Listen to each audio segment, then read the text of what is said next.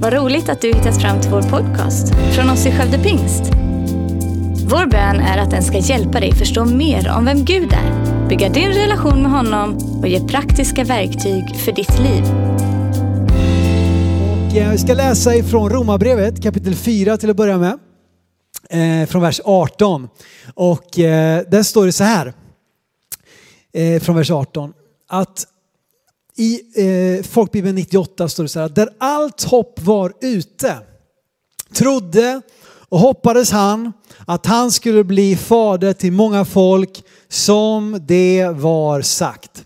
Där allt hopp var ute. Eh, när man gillar sport som jag gör så är det ju lätt att tänka på när man tänker så här där allt hoppar ute och tänka på liksom sporthändelser, otroliga comebacks. Och eh, när jag ser tillbaka på mitt eh, liksom sportliv så tänkte jag på tre stycken sådana tillfällen. Det första är när jag på allvar blev ett Man United-fan kan man väl säga och det är ju tillbaka 1999. Eh, då eh, eh, Champions League-finalen skulle avgöras, Bayern München, Manchester United på Camp Nou, 90 000 åskådare. United ligger under med 1-0 hela matchen från sjätte minuten.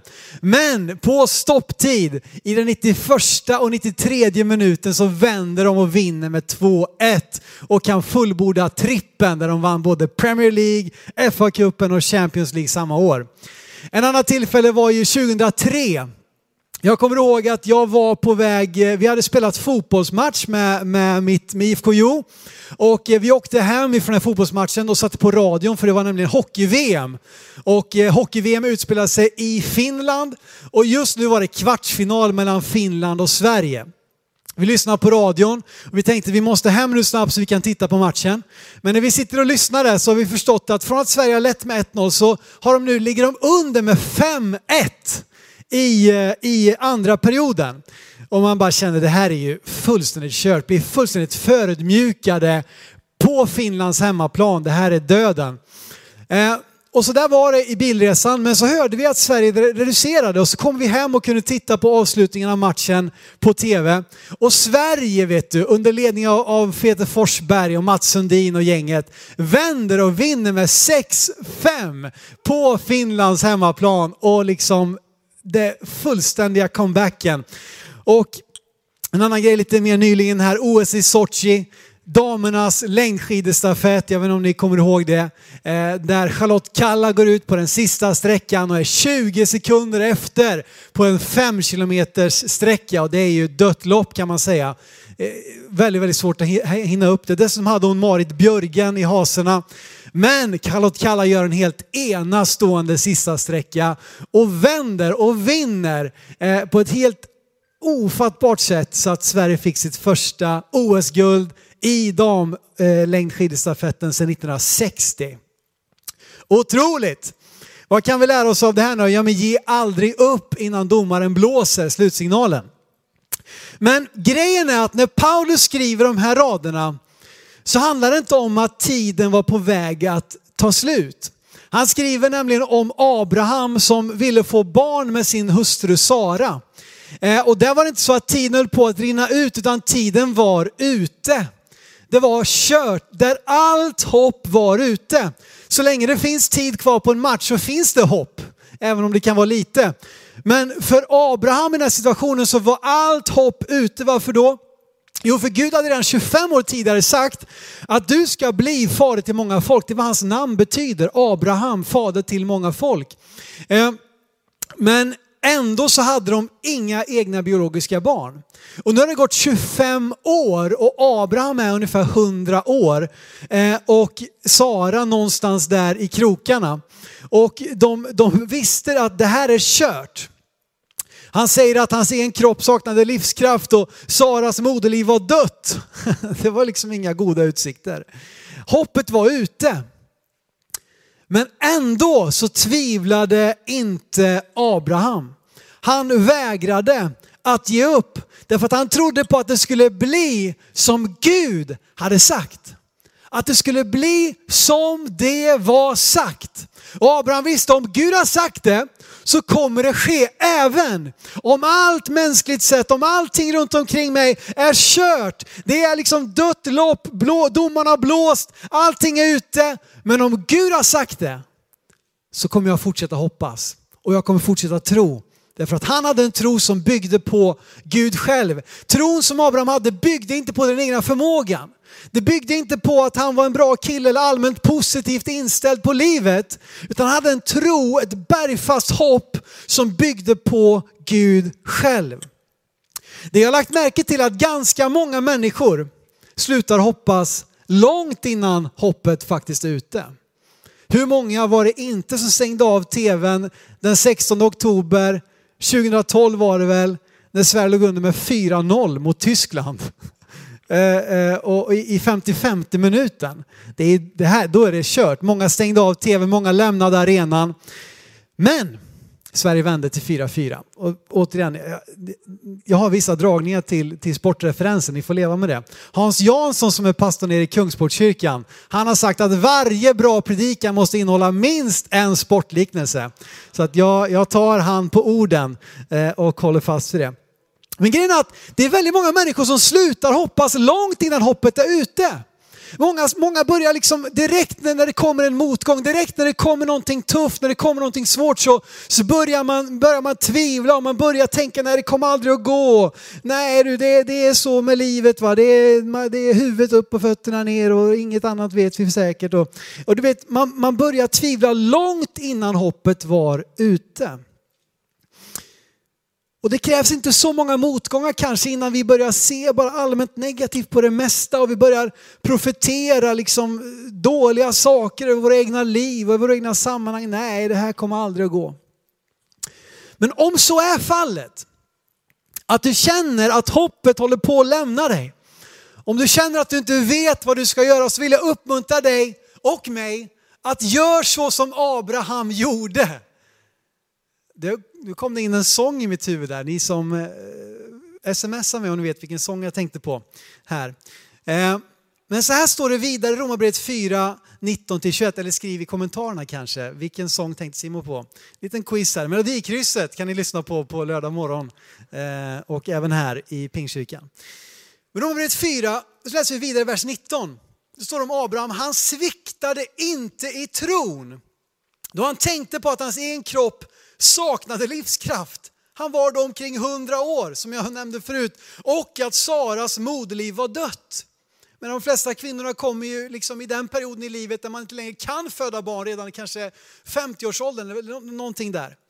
Eh, vers 20, han tvivlade inte i otro på Guds löfte utan blev istället starkare i tron och gav Gud äran. Han var övertygad om att vad Gud hade lovat, det var han också mäktig att hålla. Vad Gud har lovat är han mäktig att hålla. Predikaren i Bibeln som är skriven av kung Salomo. I kapitel 3 där så finns det en av de kanske berömdaste texterna där han talar om att det finns en tid för allt. Allt har sin tid. Det finns en tid att plantera, en tid att riva upp, en tid att leva, en tid att dö, en tid att glädjas, en tid att sörja. 30 olika tider räknar predikaren upp. Men inte en enda av dem är att det är tid att ge upp. Det är aldrig tid att ge upp. Det kan vara tid att, att begrava någonting. Det kan vara tid att lämna någonting. Men det är aldrig tid att ge upp.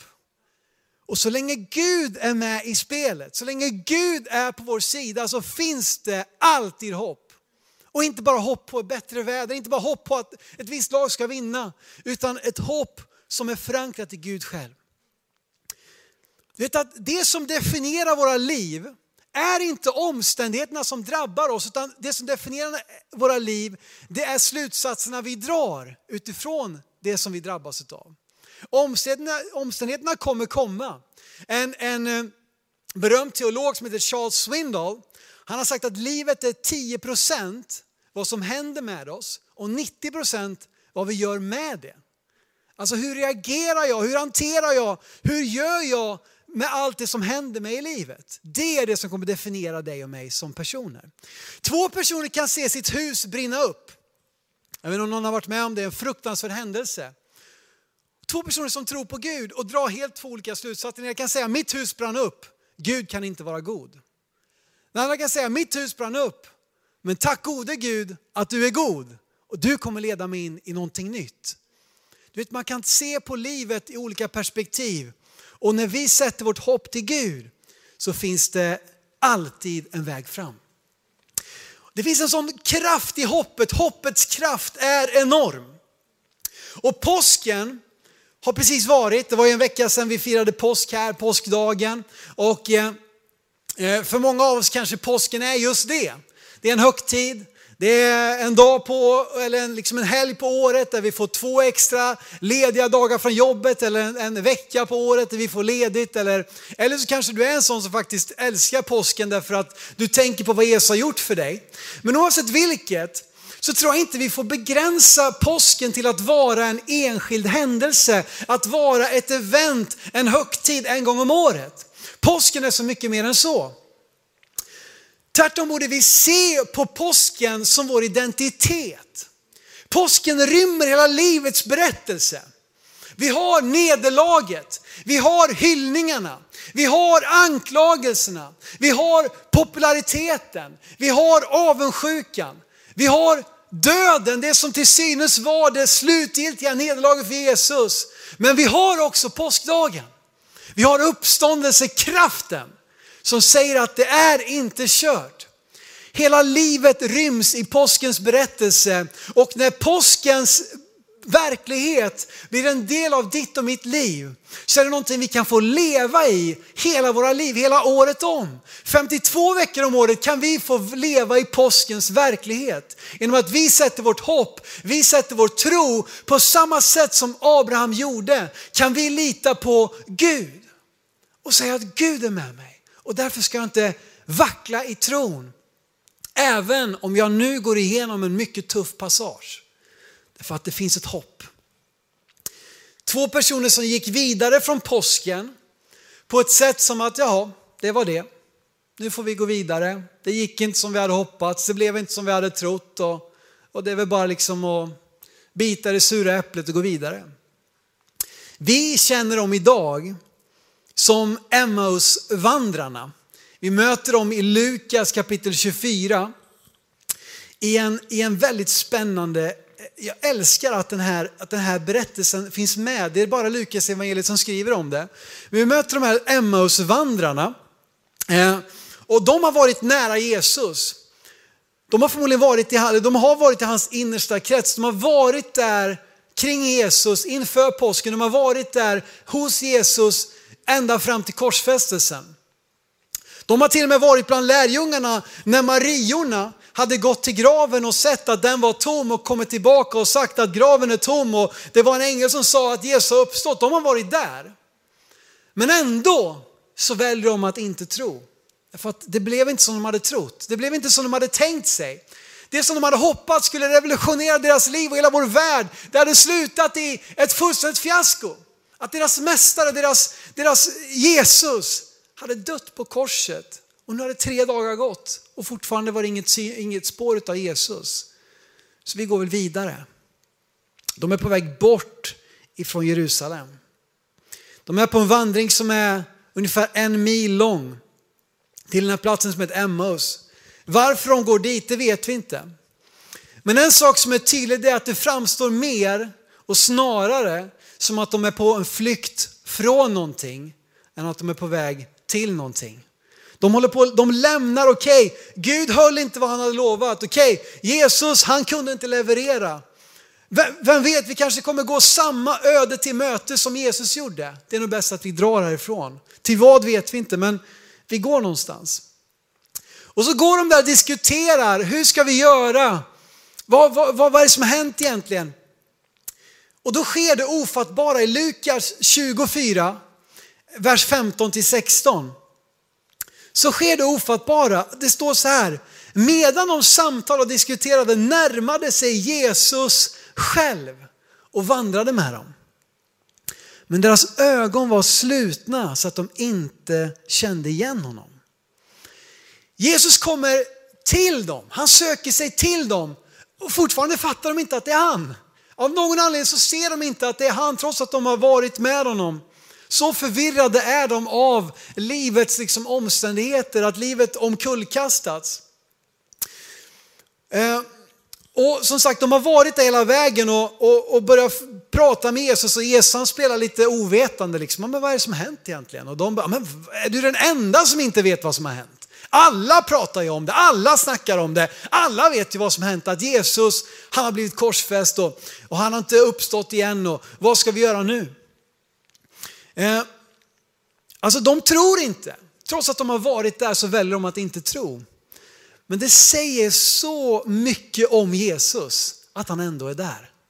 Här är två personer som har på ett sätt svikit honom på ett sätt valt att ge upp långt innan på, på, ett sätt allt hopp var ute. De har ju hört Mariorna har sagt graven är tom. De har ju hört Petrus och Johannes som också har varit där och sagt ja graven är faktiskt tom.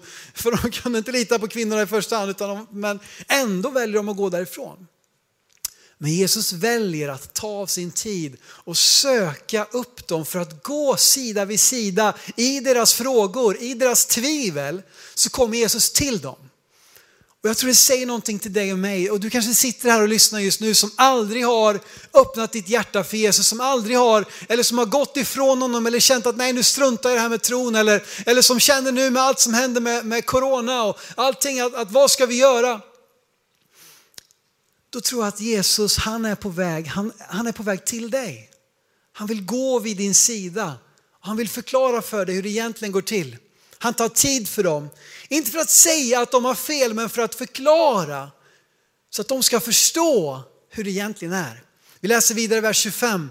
Jesus sa till dem, så tröga ni är i tanke och hjärta till att tro på allt som profeten har sagt. Måste inte Messias lida det här för att sedan gå in i sin härlighet? Han började med Mose, alla profeterna förklarade för dem vad det stod om honom i alla skrifterna. Och visst tycker Jesus att de var eh, tröga, men han idiotförklarar dem inte. Han, han liksom, åh, orkar liksom. Nu satsar jag på någon, på någon, på någon som är, har liksom lite brightare i alla fall. När han ger oss sin tid, han börjar förklara, han visar för dem, men titta här, förstår ni inte det som står här och, och kommer ni inte ihåg vad han har sagt, kommer ni inte ihåg vad skriften säger? Och så genom att liksom pedagogiskt förklara och möta deras frågor och tvivel så visar han för dem så att de själva kan förstå. Wow! Det kanske inte är slutet trots allt, det kanske finns en annan morgondag. Och precis som Jesus alltid gjorde så fascinerar han människorna omkring sig. Och de ber honom stanna. Jesus kan du inte stanna hos oss, eller de sa inte Jesus, men de, de ber mannen som går med dem, kan du inte stanna hos oss, eh, liksom dröj kvar här i, i, i natt och kanske imorgon kan du gå vidare, men kan du inte vara med oss ikväll? Jesus gör det och de delar måltider med varandra och när Jesus sitter där så står det att han bryter ett bröd. Och när det sker så öppnas deras ögon. Det står så här i vers 31. Då öppnades deras ögon och de kände igen honom. Men han försvann ur deras åsyn. De sa till varandra, brann inte våra hjärtan i oss när han talade med oss på vägen? När han öppnade skrifterna för oss. De bröt upp i samma stund och återvände till Jerusalem. Mötet med Jesus revolutionerar deras, deras tillvaro. Det revolutionerar fullständigt och det som förut var helt nattsvart är helt plötsligt fullt av hopp på nytt. De fylls av tro igen och trots att det är kväll, trots att de uppenbarligen var trötta, trots att de uppenbarligen ville ge upp, inte orkade längre, var på väg bort, så är det någonting i mötet med Jesus som får dem att rycka upp sig, att ställa sig upp igen och säga vi måste gå nu. Helt plötsligt har de fått ork, helt plötsligt har de fått energi, helt plötsligt kan de göra det de förut inte förmådde sig själva att göra. Ta tag i livet och återvända till liksom brottsplatsen, återvända till den platsen de hade lämnat. Det bryter paralyseringen, det bryter isolationen. Och hur lätt det är när vi inte vet, när ovissheten drabbar oss, att vi hamnar liksom i, i, en, i en slags paralysering. Vad ska vi göra? Vad ska vi ta oss till? Att vi kanske isolerar oss, det är nog bäst att jag håller mig för mig själv. Det är nog bäst att jag inte pratar med någon, det är nog bäst att jag inte säger någonting. Det är nog bäst att jag håller mig för mig själv. Men i mötet med Jesus och i mötet med hoppet som Jesus ger så får de handlingskraft. Utan att hoppet ger dig kraft att möta det du tidigare velat fly ifrån. Jag ska säga det igen för det summerar egentligen hela min predikan. Att hoppet ger dig kraft att möta det du tidigare velat fly ifrån. Det som har kommit din väg just nu och det som kanske fyller ditt liv med oro och som har gjort att du känner att jag måste fly härifrån. Men i mötet med det hopp som Jesus ger så kan du faktiskt få vända dig till och säga nej. Jag behöver inte fly längre. Jag behöver inte gömma mig längre. Jag behöver liksom inte krypa ihop här och hoppas på att, att, att, att jag vet inte vad. Jag kan få kraft att möta och gå igenom det tuffa. Gå igenom prövningen med hoppet på att Gud, vad han har sagt, det är han också mäktig att hålla i Jesu namn. Det var inte hopp om ett bättre väder. Det var inte hopp på någon annan människa. Det var hopp på Gud själv.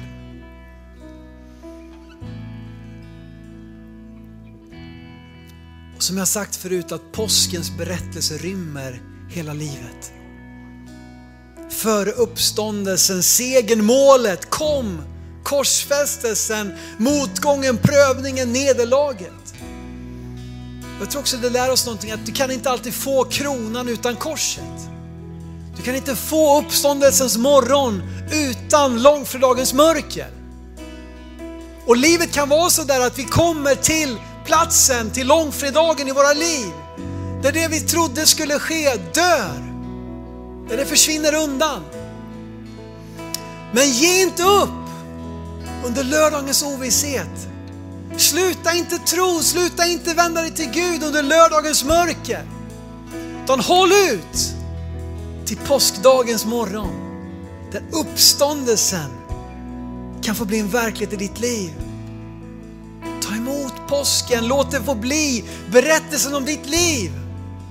Varför predikar du om påsken? Det var ju för en vecka sedan. Jo, men det är min poäng.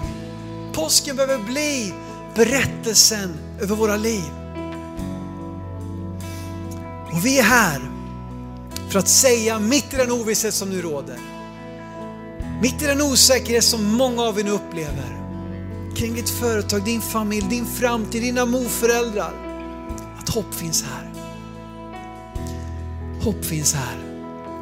Redan i februari så proklamerade vi över det här året och satte upp en vepa på våran vägg här utanför kyrkan att hopp finns här. Det var sant då, men inte visste vi då vad som skulle ske nu. Men det känns ännu mer aktuellt att få proklamera att hopp finns här. Vad som drabbar oss i livet kan vi inte själva råda över. Du kan inte bestämma vad som ska komma i din väg genom hela ditt liv. Men du kan bestämma vad du gör med det som möter dig. Du kan bestämma dig för att lita på Gud mitt i ovissheten. Matteus 12, vers 21 säger så här. Till hans namn ska folken sätta sitt hopp. Till Jesu namn ska folken sätta sitt hopp och alla som gör det kommer inte komma på skam. Därför är min uppmaning till dig idag. Sätt ditt hopp till namnet Jesus. Skriv Jesus över ditt liv. Jag sa till Max förut som döpte sig här tidigare, vet du vad, idag har Jesus tatuerat sitt namn på ditt hjärta. Idag har du fått någonting som kommer vara genom hela ditt liv.